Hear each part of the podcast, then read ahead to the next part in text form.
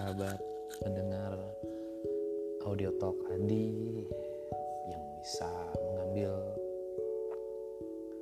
manfaat ya dari mendengar apa yang coba saya sharingkan lewat podcast ini. Sekali lagi ini bukan memberikan sebuah pengajaran atau mengajari untuk menjadi sesuatu yang lebih bermakna dalam hidup mungkin saya bukan penulis hebat yang bisa menerbitkan buku yang menjadi bestseller. Ya mungkin lewat jalan ini saya mencoba mengambil kesempatan bagaimana bisa menyuarakan apa yang menjadi impian dari diri saya ini tentunya menjadi manusia yang bermanfaat bagi sesama sini saya mengambil peran untuk bercerita tentang bagaimana saya menemukan kesadaran di mana aku saat ini. Ya penting, penting kita menyadari di posisi itu, menyadari di posisi aku sedang berada di mana. Karena dengan aku menyadari di mana saat ini tentunya kita akan mudah membuat jarak terhadap tujuan yang akan kita capai. Tentunya semua insan itu pasti punya tujuan dalam hidupnya.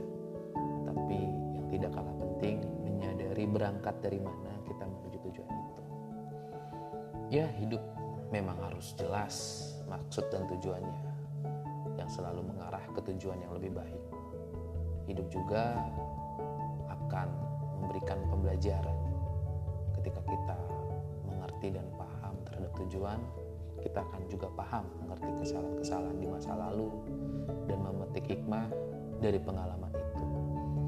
Dan kita pun juga tidak menjadi tenggelam dalam penyesalan dalam perasaan bersalah karena mengerti dan paham tindakan saat ini akan membawa akibat di masa depan.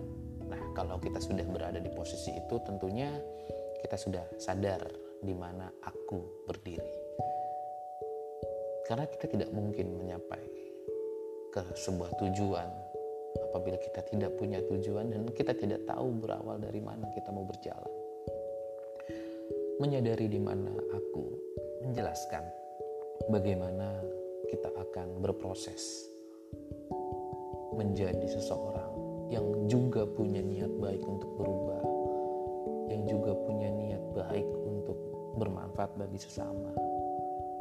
Dan saya bisa membagikannya dengan apa yang sudah saya jalani, membangun sebuah tujuan atas sadar di mana aku saat ini.